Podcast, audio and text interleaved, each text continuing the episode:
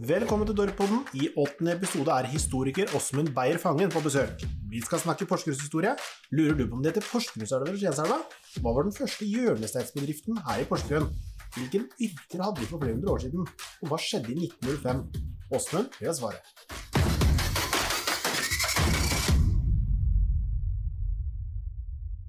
God morgen og velkommen, Åsmund Beyer Fangen. Åsmund, du er, eh, kan vi si, over gjennomsnittlig interessert i Porsgrunn. Og i dag skal vi snakke mye om historien til Porsgrunn. Aller først, kan ikke du kort fortelle hvem du er og hva du har jobbet med? Det gjør jeg med glede. Jeg er jo da Ja, jeg er født i 1950, og født i Skien, men med tilknytning til begge byene. Så, så jeg føler jo helt fra barnsben av en veldig sterk tilknytning til Porsgrunn. Og på museet så har jeg arbeidet, begynt så vidt i 1976 og fast ansatt fra 1977 ja. som konservator på Porsgrunnsmuseene. Så bra. Når du sier museum, Åsmund, hvem konkret er det vi snakker om da? Da snakker vi om Porsgrunnsmuseene, som består av Porsgrunn bymuseum og Sjøfartsmuseet i Porsgrunn, som ligger da ved siden av hverandre. Prestegården opp mot Sunnjordet og Prestejordet, som det heter. Mm. Og så er det Sjøfartsmuseet nede på det som før i tiden var Tollbodøya. Ja, Det er ved siden av downtown? Ved siden av downtown, ja. Mm. Da jeg begynte, var det jo fabrikk der. Da var det Porsgrunn Metallverk. Ja. Og eh, så bare i den tiden jeg har holdt på, så har jeg jo opplevd veldig store endringer. Men på tross av alt som er skjedd i Porsgrunn og i områdene rundt her nede ved elva, så er de områdene som museene ligger på, Bymuseet og, Sjø og Sjøfartsmuseet, de har i grunnen aldri vært særlig endret. De har bare vært bebygd og, og for, bebygd mer, men ikke, ikke etter 1800-tallet. De meste av bygningene våre er fra 1700-tallet, og kjernen i prestegården er antagelig fra omkring 1650. Så altså her er vi tilbake i kan spore Porsgrunns utvikling fra, med havneaktivitet, slik vi finner det markert på et nederlandsk sjøkart fra 1583, at det er et anker feste eller ankringssted som er markert ute i elva utenfor der Sjøfartsmuseet er nå.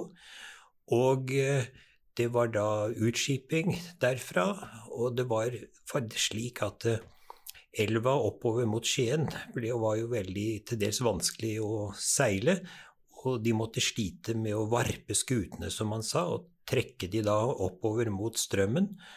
Og sagflisen fylte jo også opp fra sagene, oppgangshagene i Skien, og da fant jo våre kløktige forfedre ut at det er jo mye smartere å la trelasten flyte til Porsgrunn, og så, og så fløte den dit. Og så kom trelastskutene, de store skutene fra Nederlandene og sånn, de kom da til Porsgrunn. Og her tok de inn trelasten. Stemmer. Så, så, så vi er dette, tilbake på 1500-tallet her? Antagelig enda lenger også. Men, men vi kan dokumentere det på 1500-tallet. Og i 1650-årene så ble tollboden flyttet fra Skien til Porsgrunn. Fordi at denne gamle tollboden som lå ute på Eidet, der som nå det er blitt på Klosterøya, utover, eller utover mot det området, så ble den tatt av flommen. Og det er en meget vakker, fin historie som knytter seg til dette. For det var et trapp, og det var et trappetårn da, på, og en hjelm over trappetårnet på den gamle tollboden som flommen tok. Og, eh, og, den dro med strømmen, og så kom den rev i land på Tollbodøya, som det senere ble hetende, i Porsgrunn. Altså Dette har vi ikke annet enn en morsom og interessant legende, nærmest. Men jeg syns den er veldig vakker, for da ble tollboden der som denne tårnhjelmen med forgylt spir skulle ha flytt i land. Mm. Der ble tollboden for hele fjorden her opprettet. Og nede på Sjøfartsmuseet har vi jo da både tollpakkhus og tollvaktstue. Og på Bymuseet har vi den gamle tollboden, mm. som nå er porselensmuseum. Så altså, dette er så gjennomgripende og sterkt forankret i Porsgrunns historie at det, det, er, det er bare en lykke at dette fantastiske området er blitt spart og, og, og, finnes i dag som, som, museum. For det er ikke så veldig mange årene siden at det var regulert til industri. Og alle de gamle, flotte bygningene nede på Sjøfartsmuseet de var man innstilt på skulle rives for at industrien skulle utvikle seg. Mm. Og så fikk vi flyttet Det var også et, et, et, nærmest et eventyr. Men ved frivillig hjelp fikk vi flyttet den svære sjøboden fra Andreas Aasland på vestsiden ved Trosvikgubben over elva til ned til Sjøfartsmuseet, og der ligger den. Og når man da i 19 84 hadde fått en svær ny antikvarisk bygning flyttet til området, så lå det også i kortene at, at uh, man måtte endre denne reguleringen. Så alt er jo da regulert til bevaring og til museum. Alle områder og bygninger de er fredet, og området er fredet. Og rett og slett for at dette er noe som skal tas vare på, og i begrepet fredning ligger det at det er kulturminner av nasjonal verdi. Så sånn sett så er det blitt ivaretatt. Da. Vi har ikke så mange av de igjen hos men de som er eh, freda, det er, eh, det er ikke så mye. Nei, det er altfor lite. Altså det viser seg at når, når, det knives om finne tomter til utbygging og alt, så er det klart at uh, slike områder som våre, de er jo veldig utsatt mm. for en såkalt kortsiktig uh, profit, profittmotivert utvikling. Men uh, dette er jo ting som ikke kan fås for penger. Museene som da speiler Porsgrunnsmuseene som speiler byens historie i full bredde, det er ikke noe man kan gjenanskaffe. Det er ikke noe som har vært anskaffet over penger. Det er bygd opp på ren idealisme og interesse og kjærlighet til byen. Og, eh, og, det er verdier man ikke kan få for penger. 100%. Så du er ikke utbyggernes beste venn, kan man si? Nei, altså Men det blir for, det blir for altfor enkelt. Fordi at museumsfolk som meg, vi er ikke imot utvikling. Vi er ikke imot uh, å bygge eller gjøre ting. Men vi har antagelig et helt annet syn når det, gjelder, når det gjelder hvordan man skal gjøre det. Fordi at etter min oppfatning så må, bør enhver utvikling på, ta vare på miljøet rundt, de eksisterende trekk, ta vare på historien. Mm. Og jeg tenker som så at hvis man tar vare på historien og kjennetegnene med hva som er lokal byggeskikk, og hva som har preget byen Porsgrunn når man bygger nytt, så blir de nye prosjektene enda finere, enda mer verdifulle, enda mer attraktive. At man spiller på det miljøet som er, og ikke imot det. Men at vi er på lag. Ikke sant. Helt enig, Åsmund. Hvis vi går tilbake til når Porsgrunn kan du si, først etablerte seg mennesker her, er vi hvor, hvilket årstall er vi i da? Nei, det er det jo ingen som vet. Nei? Jeg har bare en forestilling at da de første kom hit, padlet oppover elva i en stokkbåt, og så kommer de til et område der det lukter noe veldig spesielt. Altså, det lukter veldig sterkt av Porsche. Og da tenker jeg veldig enkelt om dette. For de som ikke vet det, Porsche er en blomst? Porsche er en veldig sterk eh, aroma, kan vi si, duftende plante. Og eh, den har vært brukt også i ølbrygging og, og setter smak og du kjenner den i Kan lukte noen, myrer, men det er der det er visstnok rennende grunnvann i veldig fuktig mark. Og det var det da i Porsgrunn. Og sånn er det. Jeg husker hvordan det var rundt museet der nede også, før vi fikk litt styr på det. Det var så bløtt i grunnen at skoene sank nedi i haven. Så så det, det, er en forestilling som ingen kan verifisere, men jeg tenker sånn så at bynavnet det er jo noe som har dannet seg i tradisjonen. Det er ingen som har bestemt at dette opprinnelig skulle kalles for Porsgrunn, men langt tilbake så har man jo dokumentert at man bruker det navnet. Men hvordan det har oppstått, da tenker jeg slik at det er jo folk som har kommet utenfra til stedet, som har merket at her skiller det seg ut ved karakteristika som er, som er Porsche-duften. Mm. Og med andre ord, da heter det Porsgrund. Eksisterer den eh, planten her nå? Veldig lite i, i sentrum. Mm. Det hadde vært moro å få den til, men altså da må man ha spesielle forhold. Men det er en uh, veldig fin, en deilig duft, altså, ja, av den, Porschen. Ja. Men, men, i hvert fall, vi er tilbake i vi er tilbake i, i uh, urtiden, det er, eller oldtiden. Det er så langt tilbake at ingen vet. Men man vet i hvert fall at det var bebyggelse her. Det er gjort flere påvisninger fra gamle uh, arkeologiske funn. Så altså, det er jo snakk om sikkert flere tusen års uh, bosetting. Men, men, da på et annet nivå, så litt høyere opp. Vannstanden var jo annerledes. Så da oppe i Kirkehaugen er det gjort funn, og ute i Knardalstrand litt høyere opp er det funn. Og stedsnavnet som Lahelle, det er jo et lastested for skipene, så det forteller jo direkte om sjøfarten. Og sånn kan vi sikkert nøste opp mange ting som viser den virkelig gamle, den gamle forankringen som byen har i, i historien. Og selv om, bare, selv om, Porsgrunn først fikk byprivilegier i 1807, og med andre ord som er såkalt ung som by, da, så kan vi jo dokumentere gjennom 1700-tallet hvordan Porsgrunn var et hadde en voldsom utvikling, og at kapitalsterke familier og slekter kom og bosatte seg her for å drive sine virksomheter. Mm. For dette var, dette var, fremtidens sted. Porsgrunn lå gunstig til. Den var, ikke, den var ikke ute i havgapet, som var ubeskyttet mot fiendtlige angrep, men den var inn i fjorden her, og så så allikevel kunne nå da med skuter, og du kunne komme inn. Mens derimot Skien lå veldig langt inne, så, så kommunikasjonsmessig var det ugunstig. Ja. i seilskipstiden. Porsgrunn hadde en mellomposisjon som gjorde det for trelasteksport og alt, som gjorde at flere de gamle slektene kom hit og bosatte seg. Det var Leopoldus Løvenskiold, det var Åle-familien, eller Ålene, da, og det kom hjem, hjem James Bowman var en som kom her. Det var engelske tømmeroppkjøpere og agenter som bosatte seg i Porsgrunn på slutten av 1600-tallet. Det er en svær historie, og helt frem til uh, forrige århundreskifte så var det jo så ser vi jo på fotografiene hvordan elva her ute var full av tømmer, og så ligger skutene der, og de har en liten port foran ved baugen på sida av stevnen, så kan de ta inn stokker i fulle lengder. Ikke sant. Og, men på samme vis, Bratsberg bruk, som er rett ved siden av som jeg ser mot her, Hvorfor den bygningen ligger så skjevt i forhold til nyere andre bebyggelser, det er jo fordi at topografien bestemte det, og på siden av bygningen så var det en kjerrat, og der dro de stokker opp fra vannet for å ta det inn til den produksjonen og virksomheten som de hadde på det gamle bruket. Og, og hvis vi tenker, Du, du sier at det, det hadde en stor, eh, en stor utvikling. Eh, og si På slutten av 1700-tallet, da, hvor mange tror vi bodde her da?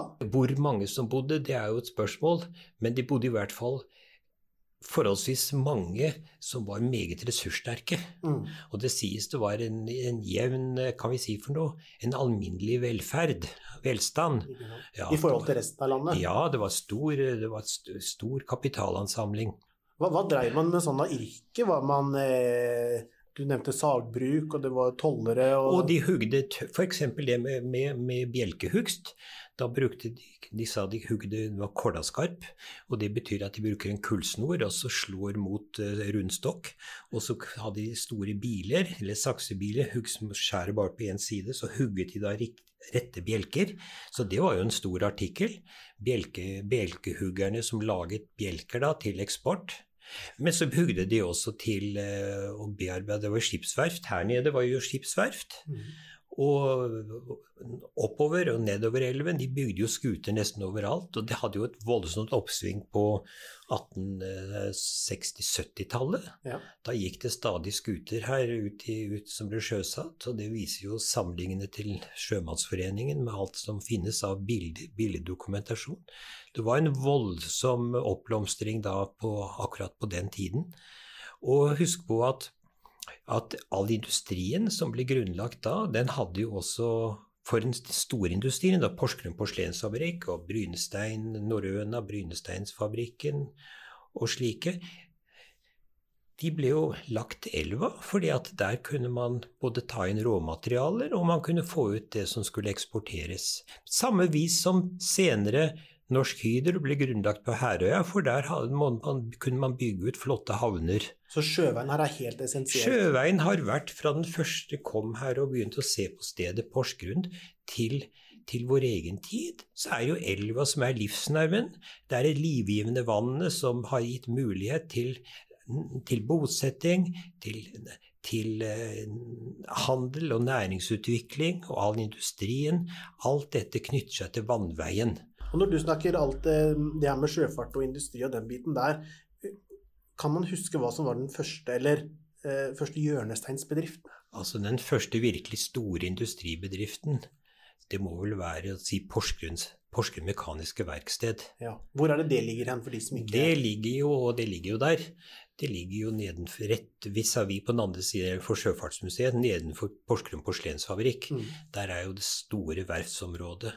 Og der har vi en egen avdeling for Porsgrunn Mekaniske Verksted på Sjøfartsmuseet vårt. Da er vi mellom Porsgrunnsbrua og, og eh, Kultangbrua? Ja, midt derpå. Og i en gammel fabrikkbygning, det også, som det var Mortensens trevarefabrikk, der har vi utstilling for Porsgrunn Mekaniske Verksted. Og, ehm, og, det var jo en stor arbeidsplass, og det ble grunnlagt i 1850-årene først. Men så ble det da, ble det da eh, kan vi si, nærmest rehabilitert, eller nei, reetablert, da, da Christian Jeremiassen Reim overtok det i slutten av 1890-årene. Det, det, men det hadde jo vært skipsbyggeri tidligere. Mm. Og en av de store pionerene i norsk industri og skole, som het Rasmus Brønnlund, han var bestyrer på det Porsgrunn Mekaniske Verksted tidlig, allerede fra starten av. Så Skiensfjordens skole til utdannelse av mekaniske arbeidere, som det het aller først, eller da Skiensfjords mekaniske fagskole, som igjen er gått inn i fagskolen i dag, mm. det startet Porsgrunn Mekaniske Verksted. Og hele den historien til, til eh, verkstedet og til, til eh, fagskolen har vi også i noen fantastisk omfangsrike samlinger. Og dette er viktig å være oppmerksom på. Hvor, hva den skolen hadde av betydning. Det var den første i sitt slag, i hvert fall i Norge, og den var banebrytende i Skandinavia med det undervisningsprinsippet som, for, som uh, forente både praktisk og teoretiske opplæring. De sa det at hadde, hvis du skal ta teknisk utdannelse, gutten min, sa pappaen, så reiser du til Porsgrunn. Ja. Og, og, og, man ser også at det, blant de elevene som har gått der opp gjennom årene, så er det jo mange fremstående navn i norsk næringsliv og industri som har fått uh, sitt faglige start og påfyll på fagskolen her i Porsgrunn. Så det er en, det er en historie som er veldig viktig å holde frem, og som vi må være meget stolte over. Hvis vi går helt tilbake, du nevner de bygningene her, og de har eh, noen år på seg. Men husker du, eller vet du mest sannsynlig hva som er den eldste bygningen i Porsgrunn? Vet du hva som ble først satt opp av kanskje vesentlige bygg? Er det mekaniske, eller er det Porsgrunn porselen? Nei, nei, nei, det var jo først på slutten av 1800-tallet. Mm. Så skal man finne de gamle Jeg ville tro at man finner inni bygninger oppe på Osebakken, som det er veldig tett trehusbebyggelse, så vil jeg tro at det finnes sikkert flere bygninger som kan ha deler av Deler av huset er fra 1600-tallet. Men, men, altså Hvor, hvor er jo det der? Nei, det, det, jo, det, har jo vært andre steder òg. Ja. Men jeg mener at det er jo tross alt Det er jo revet flere hundre hus i Porsgrunn, dessverre. Mm. Han flotte, solide tømmerbygninger. Så da er det jo ikke rart at det minker fælt. Nei. På vestsiden er det revet et helt kvartal som var herlige hus. Og, men altså, vi snakker nå tross alt om noen hundre år. Mm. Og, og disse bygningene våre, de speiler jo da både lokal byggeskikk, men det er igjen et uttrykk for den norske måten å bygge ut fra europeiske idealer. Når våre hus har malte hjørnekvadre med vekslende, så er det for å imitere kvaderstenene som skal låse veggene sammen i murarkitekturen. Vi har vi har inntrukne portaler med skrånende sider som gir et større perspektiv. Hvor hadde de det fra? Nei, det er fra Italia. Der de hadde i barokkarkitekturen, så brukte de perspektivet for å kunne forsterke og lage effekter, og trekke inn portaler på den måten. Det er rett og slett overført. Altså, våre forfedre, de var europeisk orientert, de var kunnskapsrike, men når man en gang var her, så bygde man ikke i sted, man bygde i, i tre tømmer. Og så panelte man og malte slik at man kunne se ut fra dette at utgangspunkt og inspirasjon, det er i den store europeiske murarkitekturen. Mur, ja. Sånn fra hvilket land da henta de mest inspirasjon, tror du? Nei, altså Det er jo mest fra Italia, men ikke nødvendigvis direkte, bare, da. Men fordi at den italienske arkitekturen, og ikke minst fra Andrea Palladio på 1500-tallet og videre, de, de, laget jo en masse kobberstikk som de, for, som de, distribuerte i bøker, og du kunne lese om det. Og de lokale byggmesterne, ikke minst den store Jon Jacobsen, fra Skien, som bygde da både Østre og Vestre Porsgrunn kirke, og mange av de store kjøpmannsgårdene, og ikke minst Kammerherregården her i Porsgrunn, som var et unikum i Norge. Det var ikke maken til den som den så ut. Det er en italiensk villa som lå midt i Porsgrunn. Fantastisk hus. Dessverre så ble jo den først ombygd og brant, men det er jo der som rådhuset er i dag. Mm. Er, og, og senere for å peke på virkelig store ting, så fikk vi jo arkitekten Haldor Børve hit til Porsgrunn. Og han var jo en meget dyktig og stor arkitekt i sin tid. Da de skulle beherske alle arkitekturens uttrykksformer. Og, og en arkitekt. Og han har jo tegnet det fantastiske rådhuset som er en så vakker, flott bygning. ikke sant? Det ligger jo der. Så vi har jo monumentale bygninger også fra nyere tid. Og han tegnet uh, Vår Frue kirke, som ble bygd i 1899, den katolske kirken. Dalen hotell. Og man kan bare sitte og ramse opp. Ja. Altså, Arkitekt Børve var, han var stor i sin tid. Så har jo vi i Porsgrunn og Skien vi har jo krangla litt om Vi har snakka om den elva. Heter det Porsgrunnselva, eller heter det Skienselva, Åsmund? Nei, men Det er jo veldig opplagt. Altså, I Porsgrunn så heter det Porsgrunnselva hvis man først skal ta striden om det. Mm. Dette blir så lokalt. Altså, De som bor i Gråten, de snakker om Gråtelva. Ja. Så altså, det er veldig vanlig at der noe, en vann renner forbi, så, så gir det navn etter stedet. Men, men, med tanke på sjøfartshistorien og skipsfartsvirksomhet i Porsgrunn og alt slikt noe, så, så, må man jo holde på at, at vi det, det, er jo klart det blir helt absurd å si, legge til, legge til uh, Bryggen i Porsgrunn og si at nå er vi i Skienselva. Det er jo bare tull. Men på den annen side så blir det der det begynner å nærme seg liksom nivået til en fotballkamp. Man heier på den ene eller den andre. Ja. Det er jo bare én elv. Og, og, jeg husker jo, øh, husker jo godt at uh, moren min fortalte at når de skulle lære å svømme, så var det i Storelva. For ja. det var Storelva de sa. Det er jo klart, ja, Men du er jo i Porsgrunn, hvorfor skal du da si uh, Porsgrunnselva? Du er jo i Porsgrunn, og det er Storelva, for det var i motsetning til Lilleelva.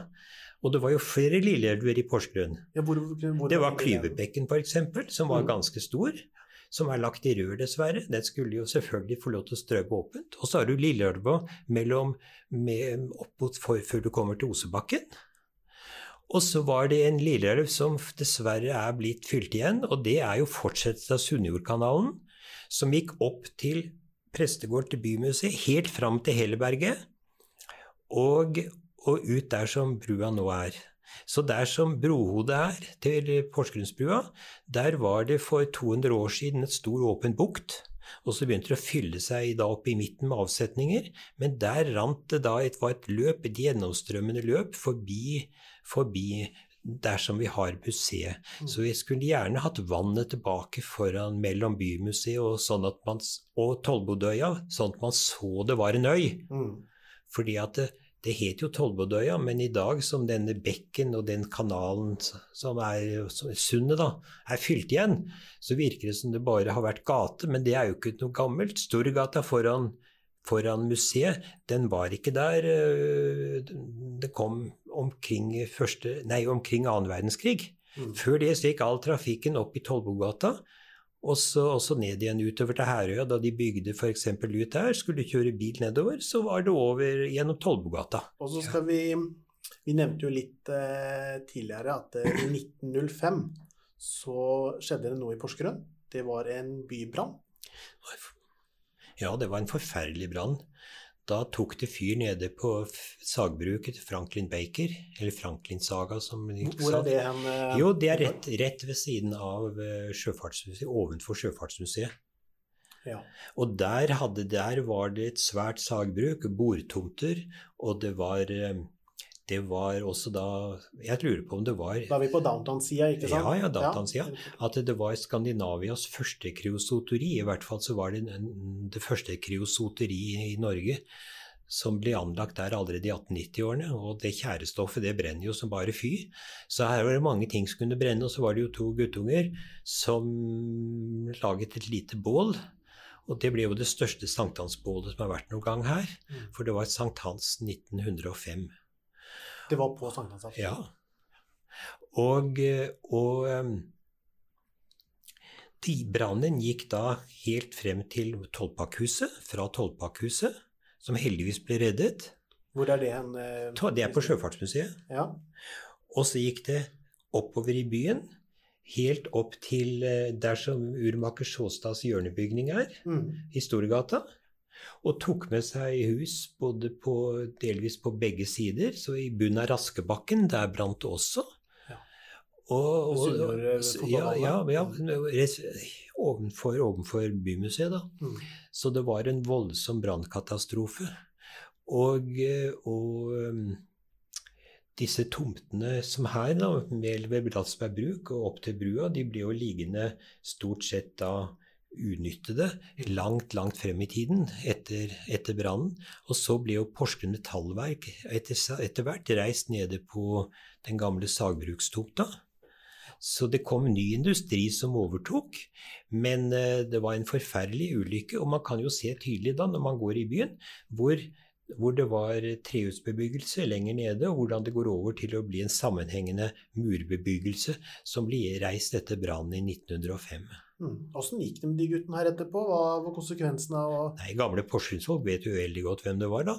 Men eh, de, var jo, de, var jo, noen unger som hadde lekt med fyrstikker, ikke sant? Vet vi navnet på det? Nei, altså jeg, jeg, jeg, har jo ikke noe med det å gjøre. Men i gamle Porsgrunn så visste jo folk hvem det var. Ja, Det var noen eh, gode, gamle rampunger? Ja, altså Det er jo mange branner som er startet med barns lek med fyrstikker, som det heter. Ja. Og så kommer det ut av kontroll. Det er jo tragisk. Men når det brant her da, så, så brant jo Jeg googla litt og leita litt. At det sto at det var 61 bygninger som brant ned. Eh, og 24 hus som var skadet. Nå har ikke jeg dobbeltsjekka det. Det var vel nesten halve byen den gangen? Ja, det var i hvert fall, om ikke det var halve byen, så var det en stor del. Og, eh, og, sikkert veldig merkbart, for folk mistet jo alt de hadde da, i, de, i den, disse bygningene. Og det var ikke noen forsikringsordninger? Den, jo da. Og det det. jo da, det var bygningsforsikringer og Så det var det. Men uansett, brenner huset ditt, så er det ikke det samme. Nei. Og det er ikke alltid man får fullt ut det man trenger heller. Ja, den bybrannen her, hvilke konsekvenser fikk det? Hvor lang tid tok det før man fikk bygd opp Porsgrunnen? Nei, du, Eller fikk man noen gang bygd opp byen igjen? Ja da. Nei, men altså akkurat hvor lang tid det tok, det vet jeg ikke. Men de bygningene, i hvert fall de her i Storgaten, de blir jo reist veldig, veldig snart etterpå. Så, så jeg vil jo tro etter et, etter et, år og et par år så hadde de reist nye bygninger, men det var da i mur. Mm. Som, erstattet, eh, som erstattet de nedbrente trebygningene. Hvorfor bygde man da i mur? Ja, brannsikkerhet. Mm. Men det som man jo vet eh, og tenker på i vår tid, det er jo at slike murhus med tre, bjelkelag i tre, de kan jo være, de er jo rene skorstein hvis du først har fyr inne. da. Mm. Så står muren igjen som det var en pipe. Men, eh, men, uansett så er det jo da en viss sikkerhet mot brannspredning. Så, så det, det var da at man måtte ha Murtvang er jo et begrep, ikke sant? Mm. Og at du da av sikkerhetsmessige grunner skal bebygge i mur istedenfor. Og da var jo det en moderne måte å bygge på. Mm. Og du kan se det er tidstypisk arkitektur, og det er mange pene, virkelig pene bygninger som ligger nå langs eh, Storgata. Og så var det jo ikke lenge etter det, så, så var det første og andre verdenskrig. Eh, fikk det noen konsekvenser for Porsgrunn? Ja, helt klart, men det var jo i første verdenskrig, så var vi jo ikke inne i Norge var jo ikke i krig, Norge var jo nøytralt. Men det hadde selvfølgelig sin virkning for folk. Og tenk på en sjøfartsby hvordan allikevel mange ble rammet av eh, krigsforlis eller torpederinger, som var ganske brutalt. Jeg har ikke noe, kan ikke gå i dybden på dette, fordi jeg kjenner ikke materialet. Men det er jo klart at eh, når sjøfarten rammes, så rammes familien til sjøfolkene. Og en sjøfartsby så blir det merkbart. Det, det var den, den, norske handelsflåtens tap under første verdenskrig var jo formidabelt pga. ubåt uh, og senkinger. Men det var allikevel for en stor grad mye mer humant da, enn under f.eks. at mannskapet i en god del tilfeller fikk mulighet til å gå i båtene før skipet ble senket. Det er en del historier om dette, men under annen verdenskrig var det jo en ganske annen, ganske annen forferdelig situasjon. Men det var jo en helt annen situasjon. Da var det jo okkupasjon, og det var jo Da var det jo slik at sjøfolkene var jo for den største del var det seilte de jo ute. Mm. Og familiene var uten sin, eh, sin, forsørger og far i huset. Men eh, hvis vi snakker om krigshandlinger, så var et av de virkelig store bombeangrepene Det var, skjedde jo her i 1943 med angrepet Porsgrunn eh, Nei, på Eidanger salpeterfabrikker, da. Norsk Hydro på Herøya. Og det var jo det Hva skjedde da? Da ble det jo bombet. Noe så ettertrykkelig. Og, og, det er jo noe som folk husker og minnes. Det var liksom sånn dødsstemning, husker jeg moren min fortalte gjennom byen, i byen her. For det var liksom etter et forferdelig bombeangrep. Det var jo sorg, og det var, det var jo mange sivile tap. Og ødeleggelse. Ute i Klevstrand så raste jo hus altså, det, Vi har jo bilder i museenes fotosamling som viser hvordan det så ut. Og det var jo helt forferdelig. Mm. Med, og det fins rekognoseringsbilder fra Royal Air Force som også viser bombenedslagene. Og de rekognoserte før bombingene, og de viser bombenedslagene.